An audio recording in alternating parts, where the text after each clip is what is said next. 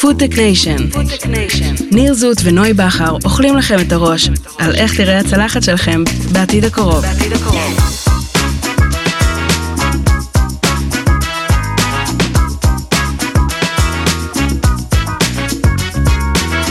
מאזינים יקרים, ecosystem יקר, ביקשתם אפריקה, אז הנה, הכנו לכם היום פרק מיוחד, דווקא מהזווית הישראלית. אה, יבשת אפריקה ומדינות עולם שלישית מעלות שאלות קריטיות בנושא המזון. שם הרעב הוא גבוה ביותר, הביטחון התזונתי הוא לא עוד סתם כותרת, אלא עניין של חיים ומוות. כן, לפי הערכות האו"ם, 950 מיליון בני אדם נמצאים בסיכון תזונתי וסובלים מרעב. חבר'ה, שם אוכל הוא כל עולמם. כשיהיה להם אוכל, מזון, נגיש ובטוח, הם יוכלו להתפתח ולפנות לעוד הרבה כיוונים אה, חשובים מאוד בחיים שלהם. אה, לפתח את החברה המקומית, את הכלכלה, את הסביבה שבה הם חיים, אז uh, הרבה מעבר לעוד כותרת. אז איך אה, חדשנות במזון וה FoodTech Nation נכנסים פה לסיפור. בדיוק בשביל זה הזמנו את אה, דוקטור רוני הלמן, אה, מייסד קבוצת הלמן אלדובי הישראלית. מה שלומך, רוני? מצוין, תודה. אנחנו חייבים לשאול, אתה מתעסק הרבה שנים בתחום, בתחום הפיננסי. איך פתאום דווקא לקחת נושא של פודטק, נושא כל כך גדול ובעל סיכונים, איך הגעת אליו בכלל? אני מחפש את הבעיה הכי גדולה תמיד, חוסר הקיימות של כדור הארץ, בעיית האקלים, וספציפית, אה, בעיית המזון שנגזרת ממנה. ואיך אתם ככה, אוקיי, אתם קבוצת אה, הלמן אלדובי, מנהלת כספים, אתה יש לך ניסיון של 30 שנה בתחום הזה, עם רקע מאוד מאוד מעניין ועשיר. מה, איך אתה פונה פתאום לתחום הזה? מתי זה קורה? אה, זה קורה אחרי שעשיתי אקזיט מבית ההשקעות, אחרי שהקמתי את איגוד הפנסיה והייתי היו"ר שלו. 2019 אמ, היינו הכי גדולים בארץ, מעל 100 אלף לקוחות חדשים בשנה, אף חברה בארץ לא הגיעה לזה. אחד מארבע משפחות הייתה הלקוחה שלי, ואז אה, הגענו ל-70 מיליארד שקל, אה, עשינו אקזיט וחיפשתי את הבעיה הגדולה הבאה, וברור שהבעיה הכי גדולה היום זה אקלים. אז פנית לתחום האנרגיה, אמרת, אני רוצה לעשות משהו טוב לעולם עם אה, כל מה שעשית עד היום, עם כל הניסיון שלך, עם כל הידע שלך. בוא תספר לנו מה קרה שם לפני עשור, מה בעצם, uh, איך התחלת לחשוב על זה, מה בעצם פיתחת מאז. Uh, אני מתמטיקאי, חובב הסתברויות, וההסתברות לגז בים הייתה עצומה, אבל החוסר אמון של האנשים, של המשקיעים, היה כל כך גדול שאף גוף מוסדי לא הסכים להסתכל על זה. אלמן אלדובי היה הגוף המוסדי היחיד שמימן את הענף. וגם נכנסנו לזה בעצמנו, ולצורך אה, גם רגולציה של זה, הקמתי את איגוד הנפט והגז של ישראל, היינו היו"ר שלו לעשר שנים הראשונות, אה, ואחרי תמר, השאר זה היסטוריה. זאת אומרת, אה, שהקמנו את זה, 100% מהחשמל בישראל היה מפחם, היום כמעט כן. היום גז טבעי. חסכנו כמה מאות אנשים שהיו מתים כל שנה מה, באזור המרכז בגלל הפחם.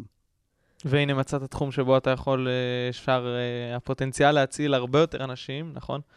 תחום המזון, ואיך בואו ניגע ונתחבר ככה לפרויקט שאנחנו, אה, התפרסם ממש השבוע, לפיו אתם בקבוצת אלמן אלדובי לוקחים עם זרוע טכנולוגי, עם זרוע טכ... השקעות בטכנולוגיה שלכם, מפתחים פרויקט במרוקו, נכון? ל... מרוקו... כדי להאכיל עשרה מיליון בני אדם. מרוקו זה מקרה ספציפי. היעד שלנו אה, באותם אה, כלים, באותם שיטות. אה, התוכנית שלנו זה להכיל את כל אפריקה, מיליארד בני אדם. כאשר אני מדבר על להכיל, אני מדבר על פרוטאין. סך הכל השטחים שסימנו לצורך העניין הזה בסהרה, הם בערך בגודל של ישראל ומתפרסים על לא מעט מדינות.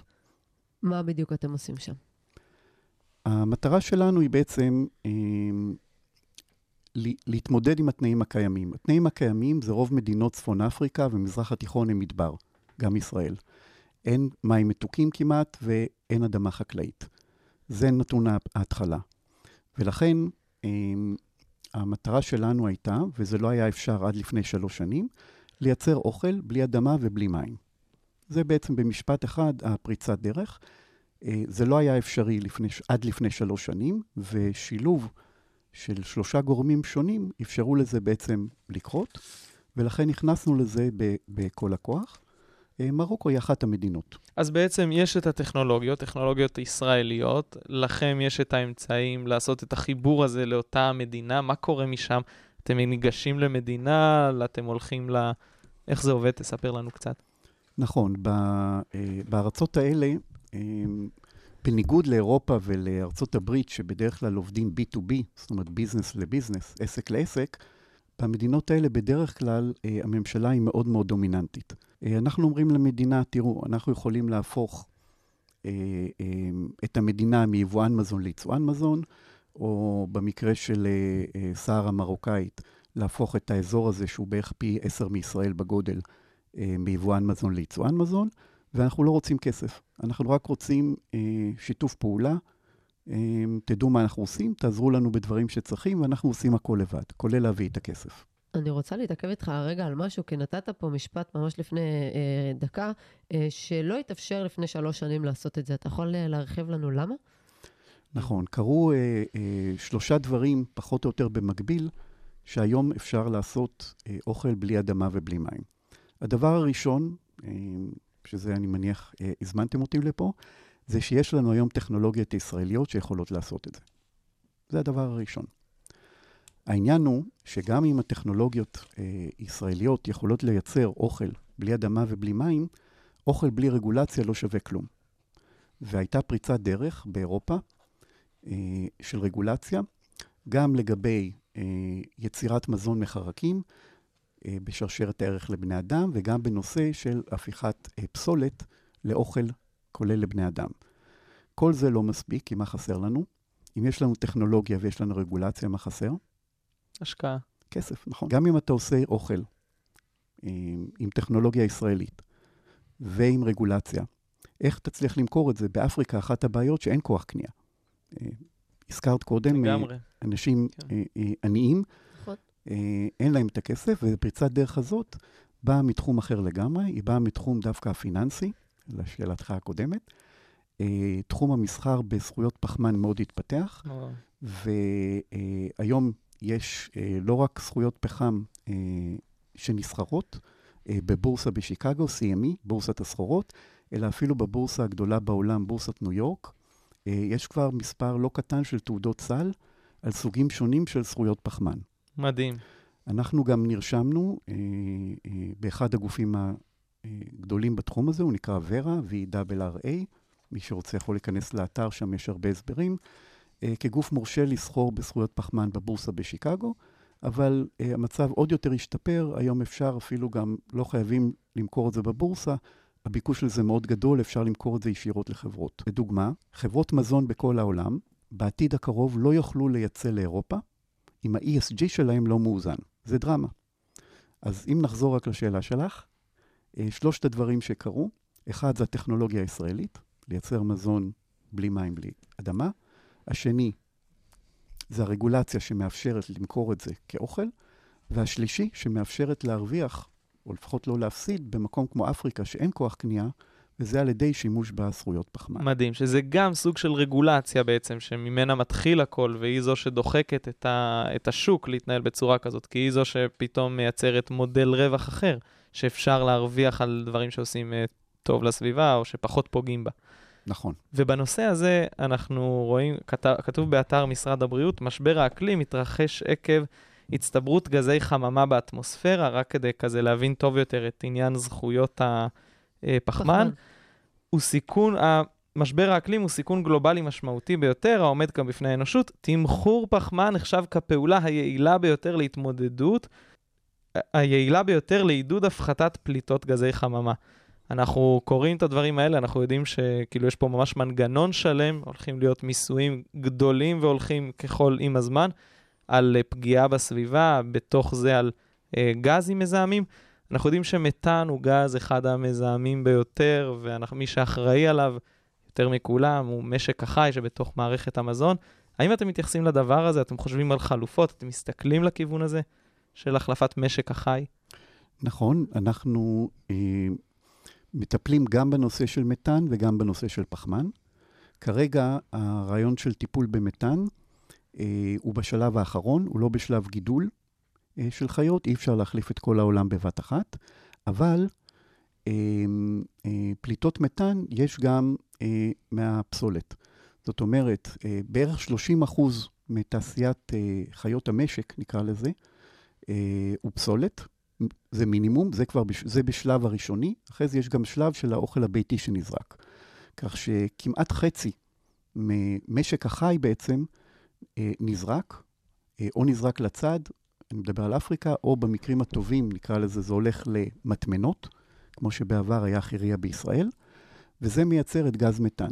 מי שיצא לו להיות בחירייה, שזה היום פארק אקולוגי, רואה אה, קידוחי גז, שזה מאוד מפתיע, מה פתאום יש קידוחי גז? אז מסתבר שבאמת הפסולת יוצרת אה, מתאן, ואפשר להשתמש בזה, אחרת, או שזה הולך לאטמוספירה ויוצר אפקט חממה פי עשרות מונים מאשר הפחמן, או שזה גם עלול להתפוצץ, ואז חבל על גוש דן. טוב, פה התבדחתי קצת. אה, אז באמת התחלנו כבר אה, לדבר על הפסולת, ואנחנו יודעים שגם uh, אתם מתעסקים בטכנולוגיות שמטפלות גם בזה. בואו נדבר רגע קצת, נעשה זום אין לתוך הטכנולוגיות והטרנספורמציה שעשיתם בעצם מטכנולוגיות ישראליות קיימות, לקדם אותן דווקא באפריקה. נכון. לכל הבעיות שנתקלנו להן באפריקה עד היום, מצאנו ל-100% מהבעיות פתרונות בישראל.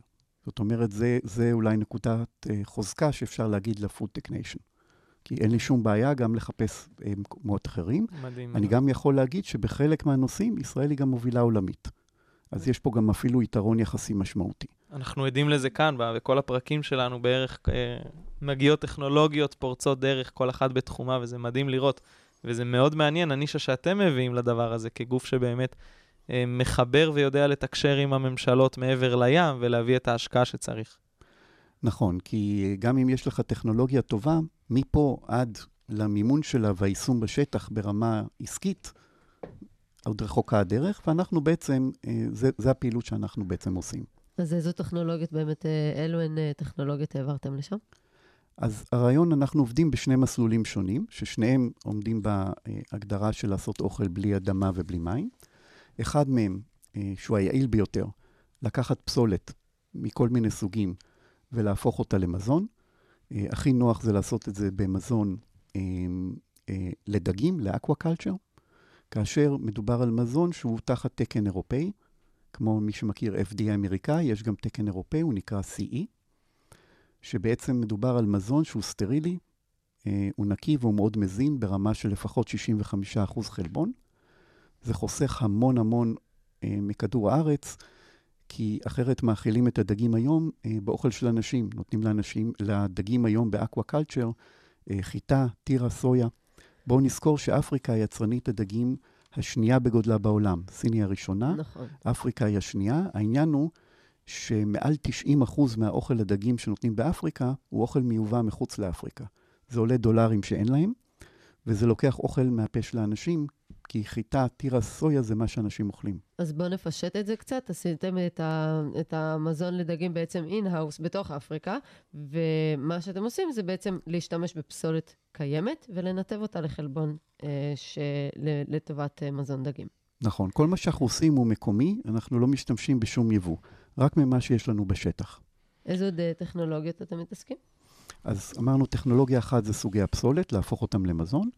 והטכנולוגיה השנייה, אם אין פסולת, או אי אפשר להגיע אליה, או זה לא מספיק, אז אנחנו משתמשים אה, במה שיש בשפע בצפון אפריקה, ורוב מדינות המזרח התיכון, שזה מדבר וים. אנחנו יוצרים בעצם אה, אה, חקלאות ימית מלוכה, כאשר בתנאי מדבר, גם חום וגם אדמת מדבר, כאשר המים הם מים שהם מי ים, שלא חסר, ובהם אנחנו מגדלים אה, את האוכל בשני שלבים. השלב הראשון הוא עולם הצומח. בעולם הצומח בחרנו אה, אה, את האצות, היא בין הצמחים היעילים ביותר שקיימים בטבע. מתוך זה בחרנו את משפחת האולווה, יש לזה בעברית, קוראים לזה לפעמים חסת ים, וזה נחשב מקרו-אצות למי שמבין בזה. ובעולם החי בחרנו אה, בבלוק, בזבוב החייל השחור, נקרא לפעמים BSF, שהוא כרגע, נכון להיום, החי היעיל ביותר שקיים בטבע. הוא מגדיל את משקל החלבונים בגוף שלו פי 8,000, כן? זה לא בורסה, זה לא 8,000 אחוז, זה 800,000 אחוז, כן? זה פי 8,000 בעשרה ימים. זה המסלול היעיל ביותר שקיים היום אה, בטבע, וזה מה שאנחנו עושים בעזרת טכנולוגיה ישראלית, שיודעת לעשות את זה בתנאי מדבר ובתנאי מים מאוד מלוכים. מדהים, באמת, כל הדרך על, על הפרקטית, עלו לנו שאלות, יש לנו פינה עכשיו, ונראה לי שזה הזמן להגיע אליה. שאלות מהאקוסיסטם, אנחנו לפני זה שולחים לקבוצות האקוסיסטם את הנושא שעליו אנחנו הולכים לדבר, מי האנשים שהולכים להגיע, ועלו כמה שאלות uh, אליך בנושא הזה, וזה בדיוק הזמן אליהן. שאלות, שאלות מהאקוסיסטם. נשמע שאתם עושים כל מיני שימושים באיזשהו אופן קשורים למשק החי. בין אם זה דגים, אה, קומפוסט מתעשיית המזון מהחי, זבוב החייל השחור, ואחת השאלות המשילה את השימוש בטכנולוגיות האלה לדיסק און קי. כשהטענה הייתה, היה דיסק, אז נכון, הנה עכשיו יש לנו דיסק און קי, זה הרבה יותר יעיל, זה בפער יותר גדול. אבל אז הגיע הסטרימינג, והדיסק און קי פתאום לא היה שווה כלום. הטענה היא שהסטרימינג בתעשיית המזון, בתחום החדשנות במזון, הוא כבר כאן מעבר לפינה. אנחנו יכולים לראות אותו. אנחנו יודעים להתעסק עם יחידת החיים, היחידה הקטנה ביותר, שזה אתה, וישר להכיל אותה, שם יחס ההמרה הוא הכי נמוך, לעומת כמה שאנחנו מכניסים וכמה שאנחנו מקבלים החוצה. למה לא להשקיע מההתחלה בתשתיות האלה? שאלה מצוינת. התשובה זה יקרה, אבל זה ייקח עוד דור. דהיינו, אה, ודאי, אפשר לייצר היום סטייק מעבדה, ואפשר גם לאכול אותו, והוא גם מאוד טעים, אבל אה, אה, אנשים באפריקה, אין להם כסף ללחם, איך הם יקנו סטייק מעבדה? זאת אומרת, להוציא 20 דולר זה תקציב אוכל לחודש, כן? ובשביל סטייק. זאת אומרת, המדע יודע לעשות את זה כבר, אבל מבחינה מסחרית עסקית, העלות היא כל כך גבוהה, שלאפריקה זה לא נותן שום פתרון. וכדי להגיע ל mass production ולהורדת מחירים, עוד רחוקה הדרך, אבל אה, עוד דור זה אכן יהיה נכון. אבל uh, מיליונים שכרגע מתים מרעב זה לא עוזר. וגם צריך לזכור שהבעיה באפריקה היא לא בעיה של חצר אחורית. היום העולם הוא גלובלי. אם מיליוני אנשים באפריקה אה, אה, רעבים, אז הם, או שהם כובשים מקומות אחרים של אחרים, או שהם עוברים לאירופה או לישראל. אנחנו זוכרים את מה שקרה אז ברעב הגדול בסודאן, כמה סודנים הגיעו לפה, ואחרי זה אריתראים.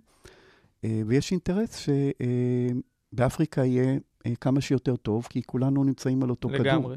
אוקיי, נכון, הצורך הוא ממשי, הפתרונות צריכים להיות לעכשיו, אפשר מאוד להסכים עם הטענה הזאת. השאלה היא, אבל אתה, הנה המקום שלך אולי כמשקיע, להסתכל באמת על הדור קדימה ולחשוב כבר מעכשיו על התשתיות האלה.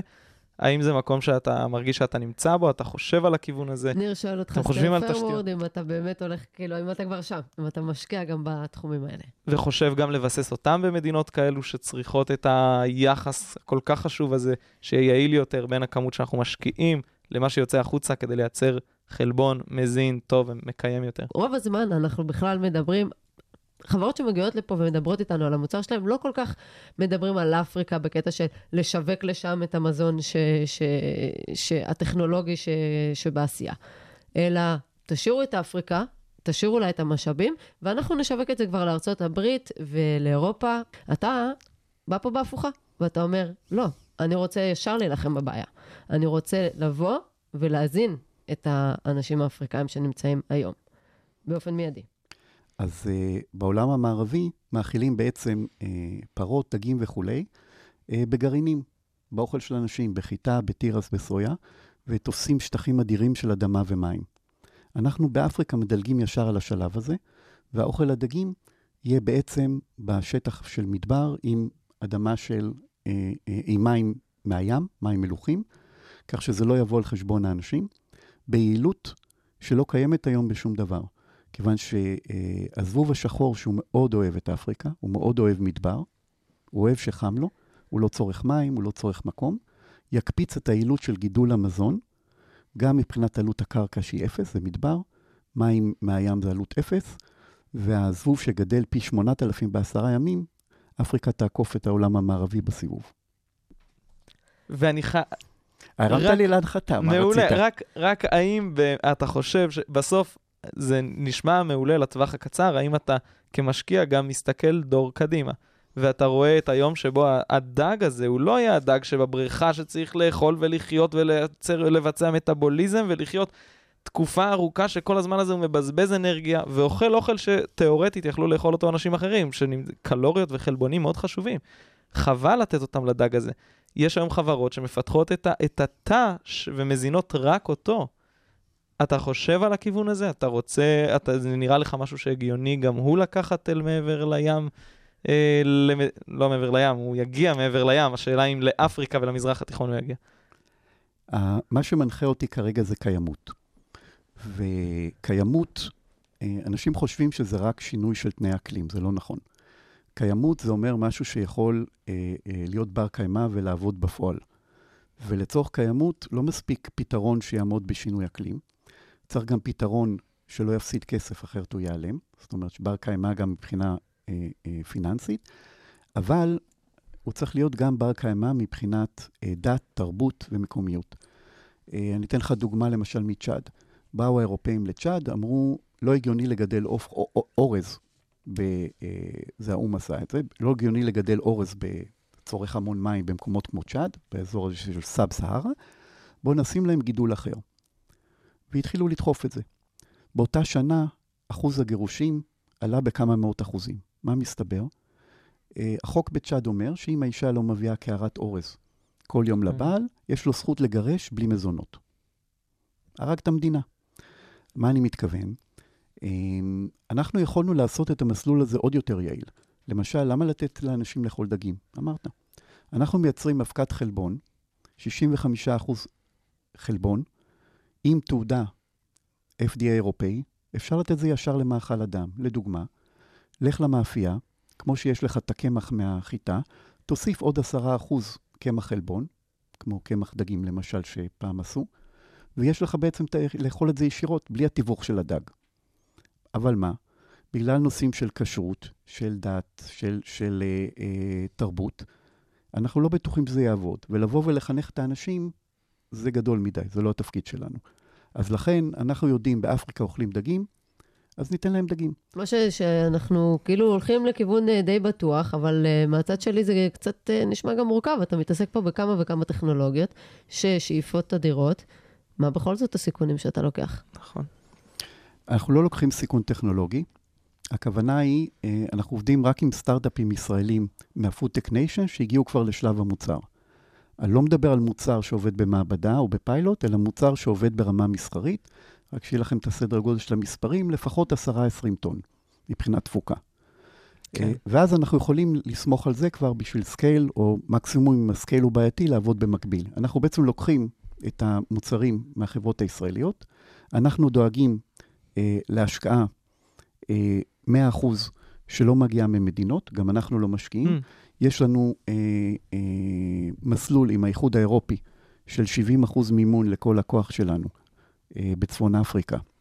אה, אה, כאשר כ-10% מתוך זה זה מענק, וגם ההלוואה היא בתנאים טובים. אז האיחוד האירופי הוא זה ששם את הכספים פה. במקרה הזה, יש, יש כל מיני גופים שונים. זה התחום שלנו זה פיננסים, ואנחנו יודעים להשיג להם את הכספים, לא אה, אה, בריבית בנקאית, וודאי לא בשיטה הסינית, שיטת המטריה קוראים לזה, מי שמכיר בנקים.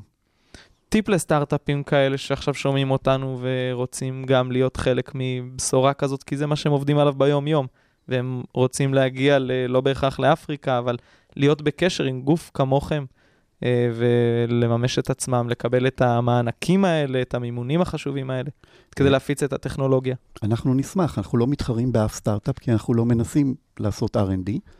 מי שכבר סיים את שלב ה-R&D והוא כבר בשלב של פיתוח במקביל, ויש לו מוצר שכבר עובד על 10-20 טון, אה, תפוקת מזון או פסולת או מקביל לזה, אה, נשמח שיבוא אלינו, ודאי.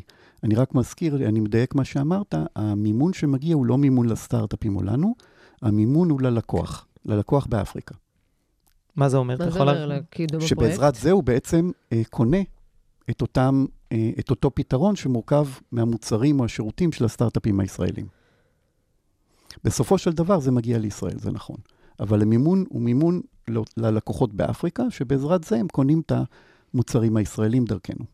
נפשט את הדברים עוד יותר למאזיננו שקצת אה, אה, אולי לא הבינו עד הסוף. בואו נדמיין כרגע מה קורה בסהרה מהצד שלכם, איך הפרויקט הזה בנוי. ניתן דוגמה בצ'אט דווקא. זה, דיברנו על מרוקו, כבר דיברו הרבה, בואו נדבר על צ'אד. צ'אד זו מדינה הרבה פחות מתקדמת ממרוקו, או מדינות צפון אפריקה, היא נחשבת מדינת סאב-סהרה. אה, אבל עדיין מצליחים אה, לתפקד שם, ויש הרבה עניין אה, גם של צרפת וגם של האיחוד האירופי לנסות לעזור להם. צ'אד הייתה מדינה מאוד מאוד מפגרת בתחום חיות המשק. בואו ניקח דוגמה של קטלס, פרות או עדרים, ועד לפני זמן לא ארוך, לא היה שם אפילו משחטה אחת. מה היו עושים? היו נפגשים במרכז העיר, ובלי סניטריה, בלי בריאות, בלי פיקוח, שוחטים ואוכלים את זה, ומלא זבובים, מלא אה, דברים כאלה. התחילו אה, לעבור לעידן המודרני, גם אה, שחיטה שלא פוגעת בבעלי חיים כמו שעשו קודם, במכונות מודרניות, עם פיקוח וטרינרי והכול. רק מה? כמו בכל משחטה ממוצעת בעולם, כ-30 אחוז אה, זה פסולת. מה עושים עם הפסולת? שופכים לנהר. עכשיו, אתה אומר, מה, מה זה נורא? הנהר הולך לים, אז הים בכל מקרה מזוהם. לא. צ'אד היא מדינה פנים-אפריקאית, הנהרות לא זורמים לים, הנהרות זורמים לאגם שנקרא אגם צ'אד. אגם צ'אד מוגדר כאחד האסונות טבע הגדולים היום בעולם. זה אגם שכבר איבד מעל 90% מהשטח שלו, וזה האגם שמספק להם אה, דגים ושתייה. אתה מבין את הבעיה פה? אז אנחנו בעצם אה, התחייבנו לממשלת צ'אד, של uh, no waste from waste. זאת אומרת, אנחנו מתחייבים 100% מהפסולת, אנחנו ממחזרים. בין אם זה הנוזלים, כולל דם למשל זה 10%, בין אם זה אה, עצמות, עורות, מה שאתה לא רוצה, אין יותר פסולת. שום דבר לא נכנס יותר לנהר. לא רק שאין יותר פסולת, אלא מהכל אנחנו עושים אה, אבקת חלבון, 65% חלבון בפנים, עם רגולציה אירופאית, עם תעודה, כך שאפשר להשתמש בזה אה, או מה שהמלצנו להם, להקים aquaculture, במקום לפגוע בטבע באגם צ'אד, לתת לו להתאושש, או בינתיים, עד שזה יהיה, למכור את, הם יכולים למכור את זה בשווקים באירופה. אה, אה, אבקת חלבון מתחיל להיות כבר קומודיטי, אפשר לקבל על זה 400-500 דולר לטון. במקרה הזה, מה שאתה מתאר, קבעו אלמן על דובי טכנולוגיות, מגיעים, אתה או חבר'ה שעובדים איתך, לממשלה בצ'אד ומסבירים להם את הבעיות, מראים להם את הפתרונות שיש לנו יכולת לספק אה, ש- שנמצאים בעולם, וחוברים לקראת איזשהו שיתוף פעולה, ואז אלה שמכינים ודואגים למקורות המימון. נכון, אה, ישבנו עם הממשלה מספר פעמים, אה, גם באירופה, גם בארץ דרך אגב. הרבה, הרבה מדינות יותר ויותר מסתכלות על ישראל כמקום לפתרון. רק הן לא יודעות איך לעשות את זה. מדינה זה דבר, אה, אני לא אגיד מפונק, אבל מדינה לא יודעת להתמודד עם אה, איך ליצור פתרון ממוצרים, משירותים, איך לעשות את זה. היא רוצה שמישהו יבוא וייתן לה פתרון. וגם כשיש פתרון, מדינות מהסוג הזה, הם, הם, אה, מצבם הפיננסי מאוד מאוד רעוע, כך שאם אתה לא מוצא פתרון גם לחלק המימוני, לא עשית כלום. מבחינת אה, מדדי אימפקט ואפילו השפעה מיידית למה שקורה היום, אה, הפרויקטים אה, שעכשיו אתה, שאתם בונים, שאתם משקיעים בהם, מה האימפקט הגדול שלהם בעוד כמה שנים ואיך אנחנו רואים את ההשפעה כבר היום?